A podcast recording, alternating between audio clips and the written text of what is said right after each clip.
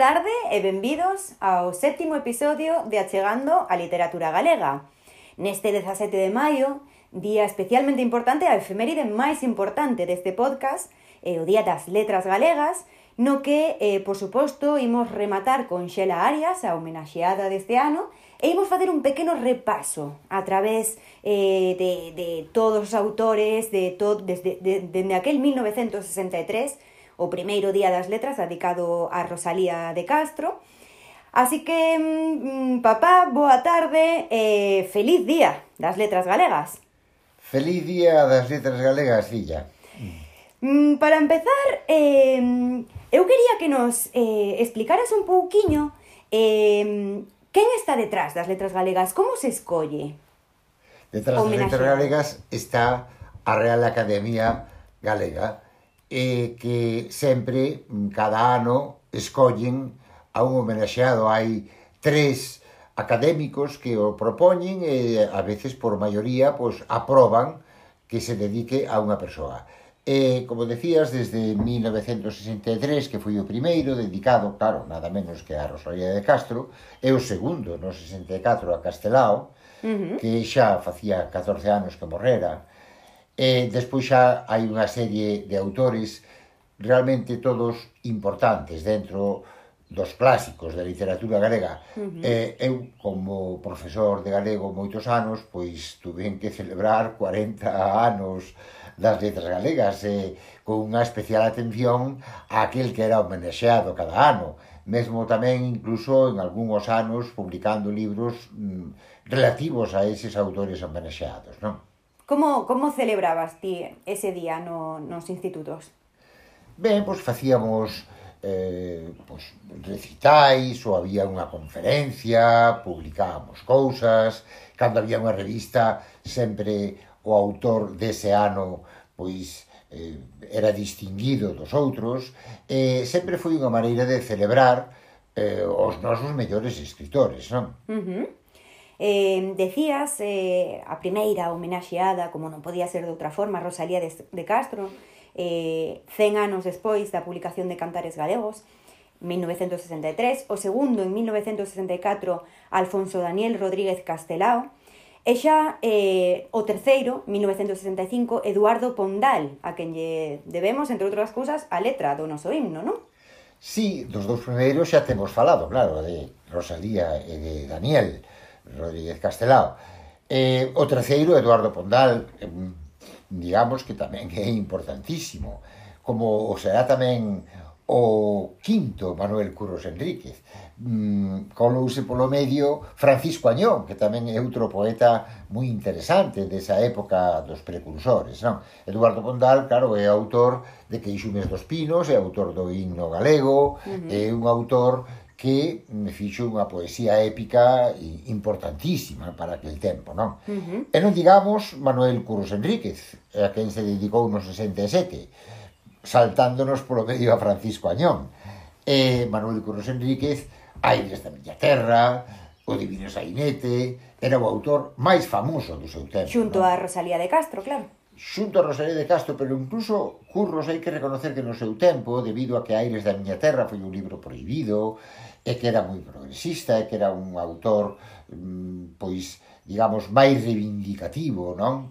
eh, foi o autor máis famoso no seu tempo, eso indiscutiblemente, foi uh -huh. o autor eh, principal de toda aquela época dos precursores. Xa non precursores, porque ese trío, Rosalía, Curros e Pondal, é seguramente o mellor trío poético do uh -huh. século XIX. Xa homenaxeados a, eh, neste 1967. Agora, no 1968, eh, falamos ya do segundo autor eh, do, do grupo Nós, non? Florentino López Cuevillas. Sí, eh, López Cuevillas era o autor secundario dentro do grupo Nós, por detrás, claro, de Otero e de Vicente Risco e de Castelao.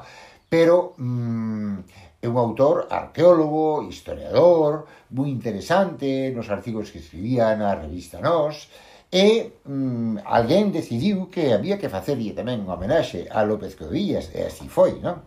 Claro. Como despois, no ano 69, xa aparece Este é importante poetas. para nós, por algo, por, por alguna por alguna razón, non? No 1969, Antonio sí. Noriega Varela. Noriega Varela, porque é un poeta mindoniense, un poeta da Mariña, aínda que el se titulaba poeta da montaña, non?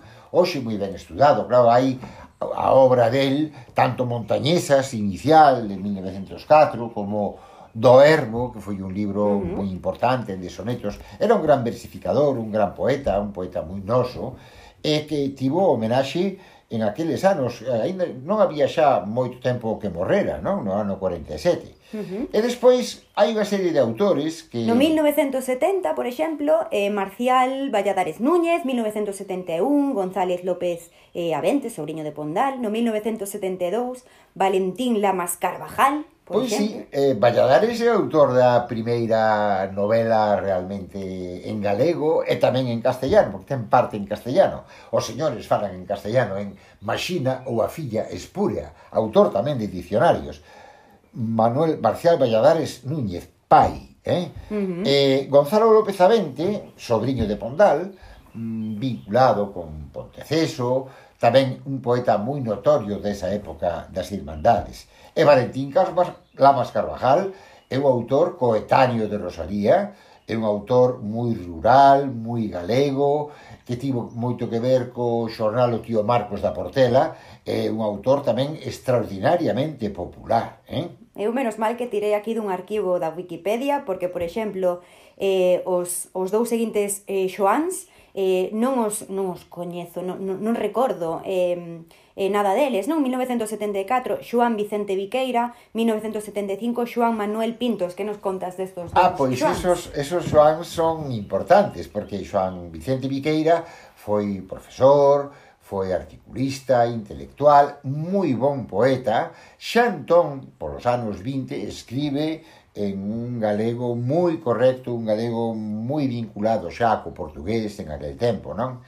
E eh, Xoan Manuel Pintos realmente é o primeiro autor precursor dez anos antes que Rosalía, no 53, que escribe a Gaita Galega, que se considera o primeiro libro de poesía xa realmente importante. O que pasa que non está totalmente en galego, como uh -huh. estaría a cantares galegos, non? Pero uh -huh. Xoan Manuel Pintos é un autor moi interesante e moi importante para esa época. E despois no 76 este xa, xa chegamos más. a palabras maiores, porque chegamos a nada menos que a que Cabanillas, Ramón Cabanillas mm. que era o príncipe dos poetas da xeración nós, é dicir, o poeta nacional, o poeta eh, que escribiu infinidade de libros de versos, eh, un grandísimo versificador. Por certo, para min é un dos meus poetas preferidos, un dos poetas máis clásicos da literatura galega. Ten unha obra completa amplísima. Uh -huh. O seguinte tamén da Mariña, en 1977, a Antón Villar Ponte, fundador, nin máis nin menos que das Irmandades da Fala. Sí, uns dicen Antón Villar, outros Antón Vilar Ponte, irmão de Ramón Vilar Ponte, os dous intelectuais moi interesantes, xornalistas, estivo vinculado coa nosa terra, estuvo vinculado coas Irmandades da Fala, porque foi un dos fundadores, eh, un pensador nacionalista moi importante en eses anos xusto antes da Guerra Civil, ano en que precisamente morre, non? Uh -huh. No 78, Antonio López Ferreiro, autor de novelas históricos, históricas. Eh, no 79, Manuel Antonio, eh, que xa adiantamos que será o próximo protagonista do, do noso podcast, non?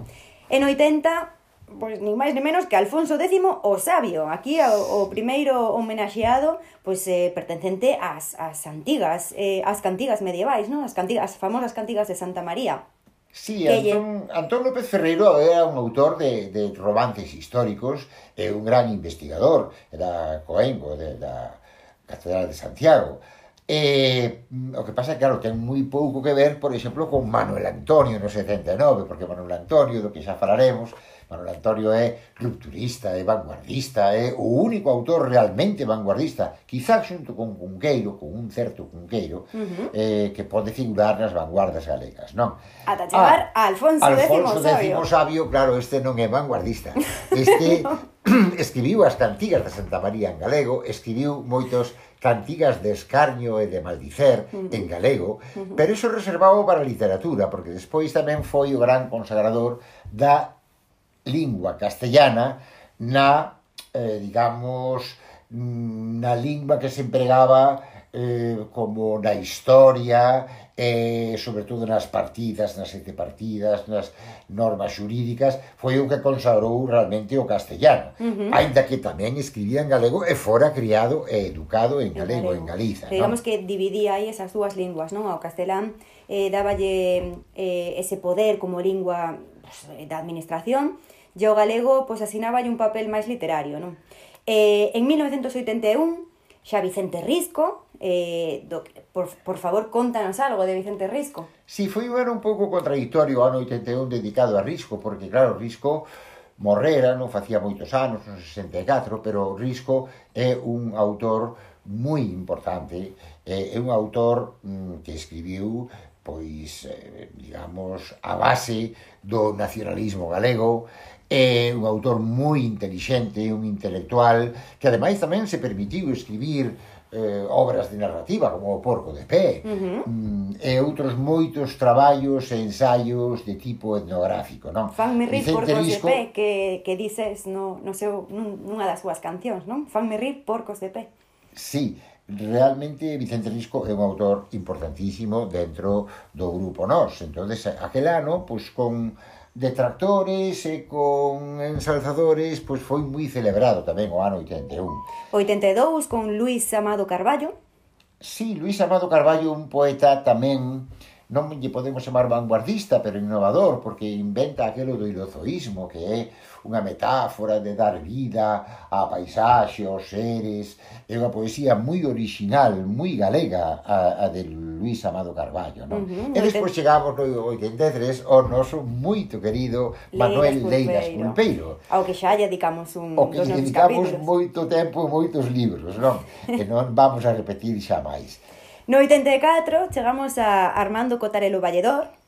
Sí, Armando Cotarelo Valledor tamén eu lle publiquei un libro Trebón en aquel ano porque eh, aproveitábamos aquelas persoas homenaxeadas para divulgar a súa obra. Armando Cotarelo é tamén catedrático da Universidade de Santiago, é un filólogo importante, pero tamén autor teatral moi importante, non? Eh, do que se tiña publicado en teatro sobre todo nos anos alrededor da Guerra Civil. Non? Uh -huh. En 85, Antón Losada Dieguez, o que é probablemente o culpable de ter xuntado a toda aquela xente, non? A, ao grupo Nós. Sí, dícese que convertiu o galeguismo eh, a nada menos que a Otero a, a e a Castelao, porque Risco xa estaba bastante convertido. Uh -huh. Ele era é o autor do nacionalismo galego, non? Uh -huh. mm, pero é un autor, en ese sentido, no grupo nos secundario, pero un intelectual moi interesante, moi organizador, eh, que, bueno, tamén seguramente merecía un homenaxe, ainda como un, un pertencente a, ao grupo nos que non fora dos de primeira liña.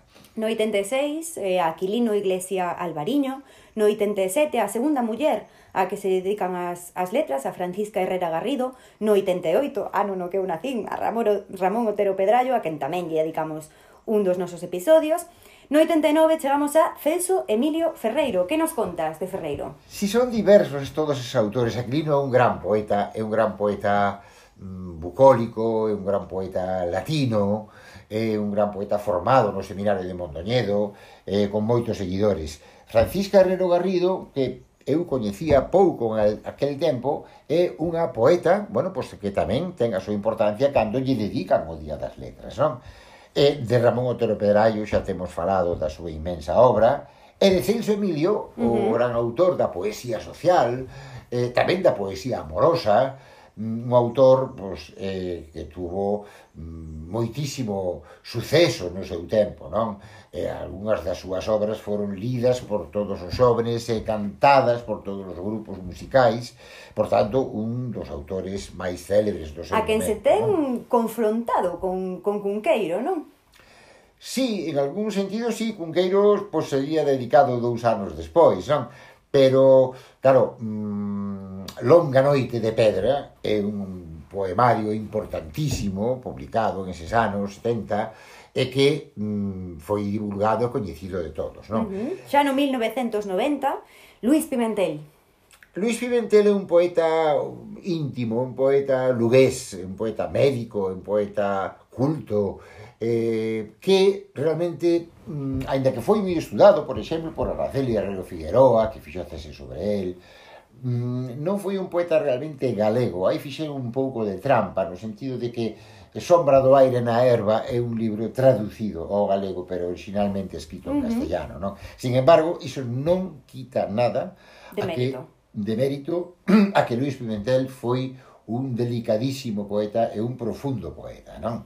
Algún poeta del, como Cunetas, que denuncia claramente a persecución eh, que houve no tempo do franquismo pois aínda resoa por aí, non? Uh -huh. E despois no chegamos ao 91, nada menos que a Álvaro Cunqueiro, do que xa temos falado. No 91 xa o dedicamos ao noso, ao noso protagonista do, do noso primeiro podcast, Álvaro Cunqueiro. Eh, vamos ao 92 con Fermín Bouza Abrei. Fermín Bouza Abrei tamén era un poeta neotrovadorista, xuiz, eh, unha persoa bastante controvertida no seu tempo, pero moi bon endógrafo tamén, eh? É un mm, moi bon poeta. Uh -huh. eh, xunto con Cunqueiro, pois seguramente son eh, en Lleida e outros poemas, eh, outros poemarios moi importantes de, deste autor pois foron moi tamén moi coñecidos e celebrados no seu tempo, non? Uh -huh. No 93 eh, foi adicado a Eduardo Blanco Amor, dúas grandes, grandísimas eh, novelas, non? Na, na nosa lingua esmorga e Xente ao lonxe. Sí, Eva, Eva, Eduardo Blanco Amor. Eh, tamén merecía eh, un podcast especial porque moitos consideran que é o mellor romancista dese século, non? Uh -huh. Claro, solo a Esmorga e, sobre todo, esa, ese monumento que é xente ao lonxe, xunto con outras obras menores, pero eh, Eduardo Blanco Amor, desde logo, é un autor moi significado dentro da literatura galega, non? Xa no 94, Luis Seoane tamén nos queda cerquiña. Eh, un papel moi importante en, en Sargadelos, e, eh, en, por tanto, na Mariña Lucense. Sí, en Sargadelos e no Castro, en o Castro. xunto con Isá, Díaz mm, Pardo. pois eh, refundaron toda a fábrica de sargadelos, pero ademais Luis Seoane é un pintor, e un artista de fama internacional, é un muralista moi importante, uh -huh. pero tamén autor teatral, é autor poético, unha poesía moi dura, moi narrativa, moi reivindicativa, pero Luis Seoane foi un intelectual moi moi interesante, moi importante, que viveu casi toda a súa vida no exilio. Como tamén o viviu o do ano seguinte, no 95, Rafael, Rafael Dieste, Dieste no autor nada menos que dos arquivos atrás, un dos mellores libros de relatos de toda uh -huh. a historia da literatura galega, ou a Fiestra Valdeira, unha moi célebre obra teatral. Eh, no tamén escribiu en castellano, escribiu en castellano tamén obras moi interesantes sobre Félix Muriel. Uh -huh. eh, Rafael Dieste o tiño considerado un grandísimo escritor en galego, tamén rianxeiro, igual que Manuel Antonio uh -huh. e igual que Castelao. Eh? Nin, nin máis nin menos, non? Uh -huh. No 96, eh, Xesús Ferro Couselo, no 97, Ángel Fole. Que nos contas de Ángel Fole? Don Xesús Ferro Couselo non escribía poemas, poemas bebendo, bebendo un groliño de Donoso Albariño, eh? Era, sí, era un uh, historiador, era un ah. arquiveiro. Ajá. El contounos a historia dos nosos de Banceiros, Mm, recolleu infinidade de documentos, pero claro, non é un narrador, nin é un poeta. Sin embargo, tamén é unha persoa moi admirada no seu tempo como investigador e que tivo a súa homenaxe. E, desde logo, Ángel Fole é un escritor como moi querido, moi lugués, moi especial. Mm, Terra Brava, A Luz do Candil, son obras súas eh, en donde mm, escribe dunha forma moi especial, como tamén ele, ele era moi especial de carácter non? Uh -huh. E no 98 recuperamos as cantigas con Martín Kodax, Joan de Cangas e Mendiño, que non son tres viños, como os que estamos tomando ti e máis eu agora, senón eh, tres trovadores medievais. Sí, sí, como Terras Gauda, pero en este caso Martín Codas, eh, sí, Martín Codas consérvase no pergamiño Vindel a letra e a música, que é importantísimo, non? Uh -huh. eh, ese pergamiño que estuvo tamén de visita aquí e que está en unha biblioteca na Pierre Pont Morgan en, en Nova York, non? que eu xa alá, eh, tamén aquí, puden ver eh, eh, na súa versión auténtica. Eh, o outro Xoan de Cangas, eh, tamén Mendiño, eh, o autor daquel famosísimo poema de Seríame unha illa de San Simón. Non? Uh -huh. Con isto facías homenaxe a aquela obra extraordinaria que son as cantigas medievais uh -huh. en donde o galego atinxe o máis alto nivel dentro da literatura europea. Non? Xa piques de cambiar de século no 1999, Roberto Blanco Torres, no 2000, Manuel Murguía, nin máis nin menos. Manuel Murguía, marido de Rosalía uh -huh. de Castro, autor dos precursores, intelectual, eh, moi importante, historiador, autor da Historia de Galicia, eh, claro, pues, seguramente merecía tamén ese homenaxe, aínda que foi pouco o que escribiu e falou en galego uh -huh. Manuel Murguía. Uh -huh. Xa no 2001, Eladio Rodríguez González, no 2002, Martín Sarmiento. Ah, por Martín Sarmiento sí que teño unha grande admiración, porque foi un gran investigador, foi un eh, gran sabio eh, xa con unha visión moi avanzada sobre como había que ensinar o galego na escola, como había que utilizar o galego na religión, recopilando cantigas populares, eh, e dándose conta perfectamente de que xa naquel tempo eh, de que o galego e o portugués eran a mesma lingua, uh -huh. cousa que non era mm, pouca adiviñación tal como se estaban eh, tratando nos séculos escuros, non? Uh -huh.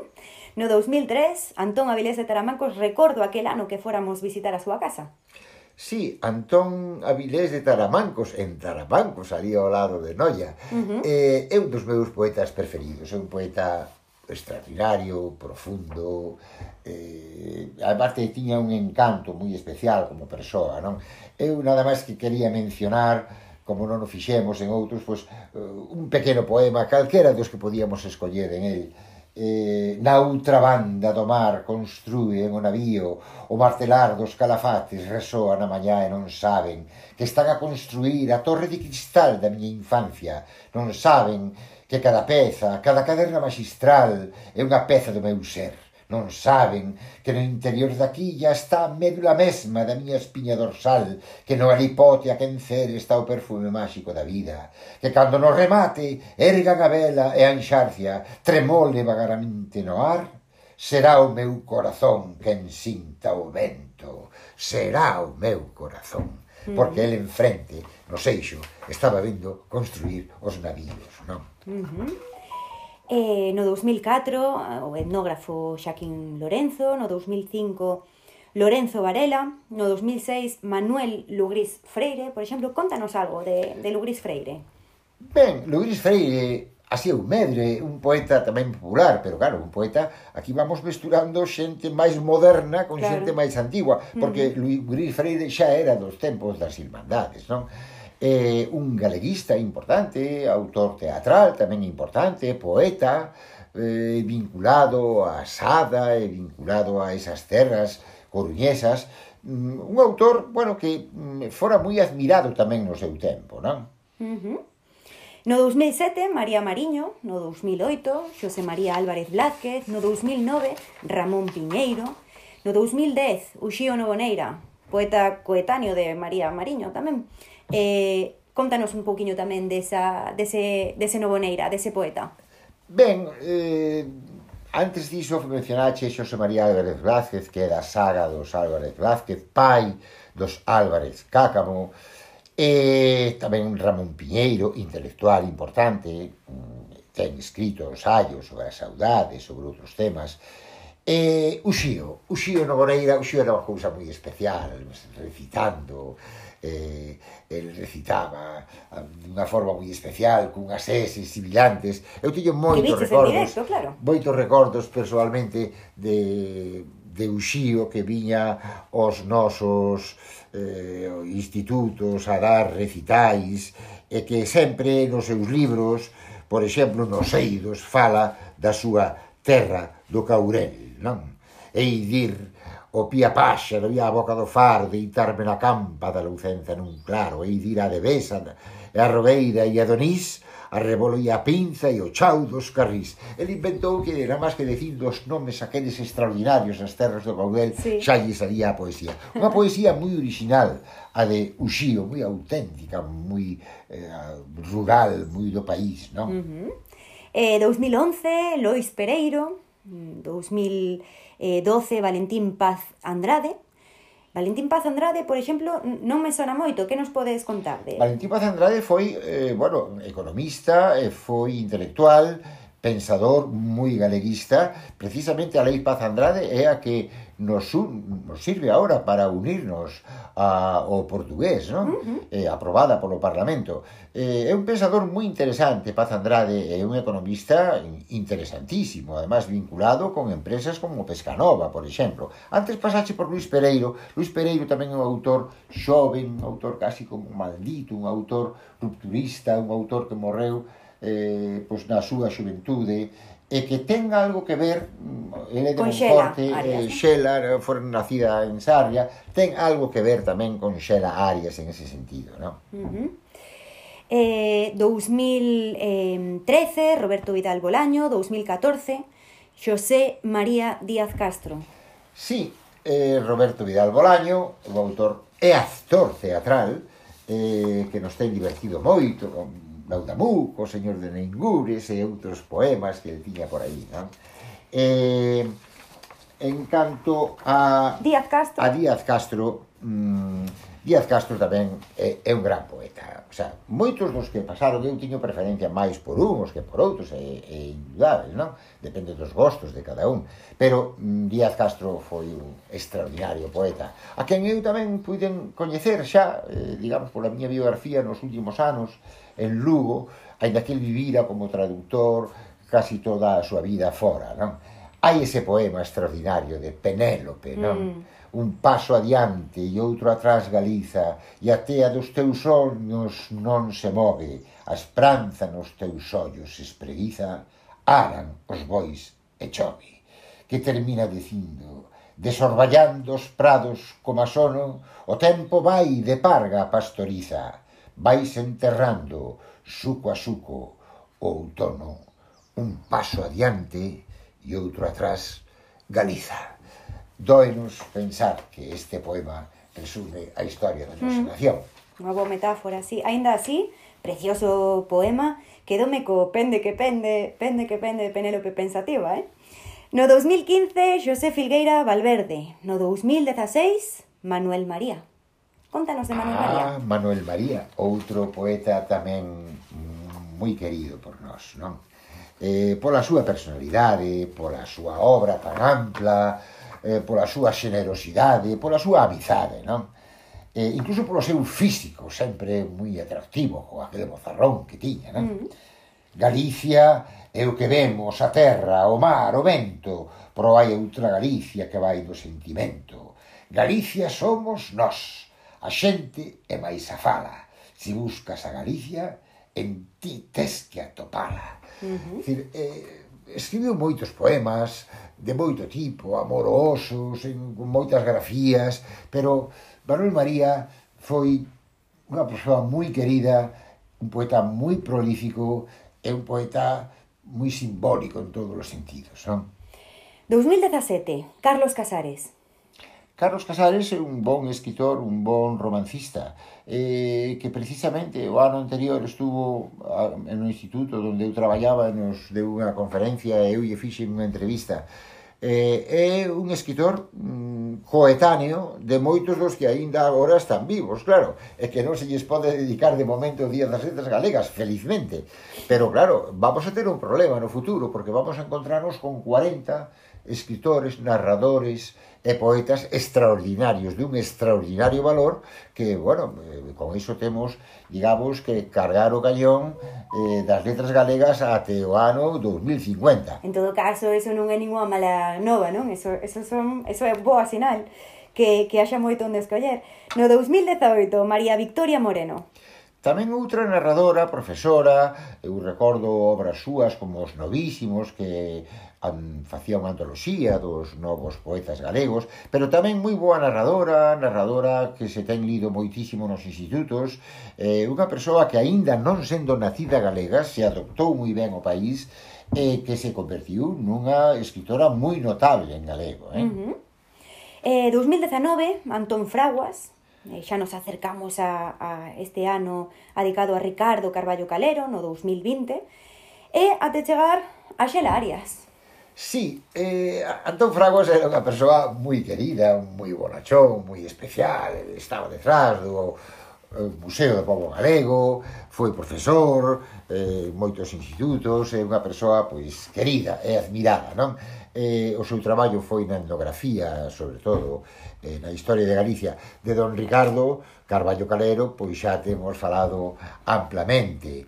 E ese ano 2020 aínda se vai alongando o ano 2021 porque aínda se siguen celebrando cousas sobre don Ricardo Carballo Calero, digamos que superpoñendo, montando un pouco no ano de Xelarias. Pero este ano 2021 está dedicado a Xelarias. E entón, eh, aínda que é unha poeta mmm, da que non tivemos unha especial relación porque ela vivía en Vigo, nacida en Sarria, fillo de un conocido noso, Valentín Arias, non? Mm, pero eh, ela foi, fixo a súa vida en Vigo, eh, participou na movida viguesa nos uh -huh. anos 80, sí. eh, porque ela fora nacida nos anos 60, e eh, infelizmente morreu moito xoven. Sí mm, pero xa tiña publicado libros eh, que tuveran moita repercusión, eh? xa no seu tempo, porque a denuncia do equilibrio, ou Tigres como cabalos, ou Darío a diario dedicado ao seu, ao seu fillo, fillo Darío, uh -huh. e sobre todo Intemperio e algúns outros poemas que se fixeron moi famosos. Hai algúns que foron cantados, eh, felizmente, polo noso compañeiro César Morán, eh, como por exemplo este que acabo de ler, co que quero facer unha homenaxe sin quitarlle para nada a importancia de o Día das Letras Galegas que se debe celebrar a ela eh, con toda a xusticia, unha poeta rupturista, nova, xoven, distinta, eh, que seguramente entre os xovens vai a ser moi ben recibida. Non? O poema é este. Non é xusto que destroce estas voces a balazos de confidencias, nin que espere que comprenda la demanda de certos inconclusos ademáns Querería de ti un rito que incumpliría, unha mentira que denunciaría.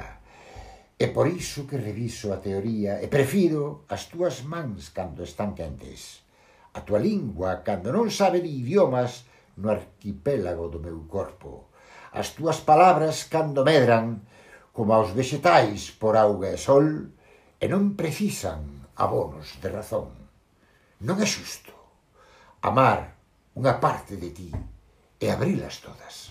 Esta é, é unha mostra da poesía de Xela Arias, a quen tamén queremos homenaxear no seu Día das Letras. Rematamos este especial das letras galegas eh, con, con este breve repaso que acabamos de facer. Non?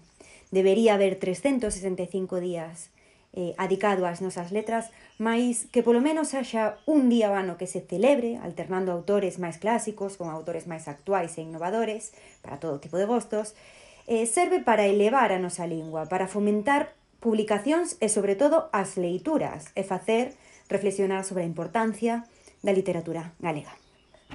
Música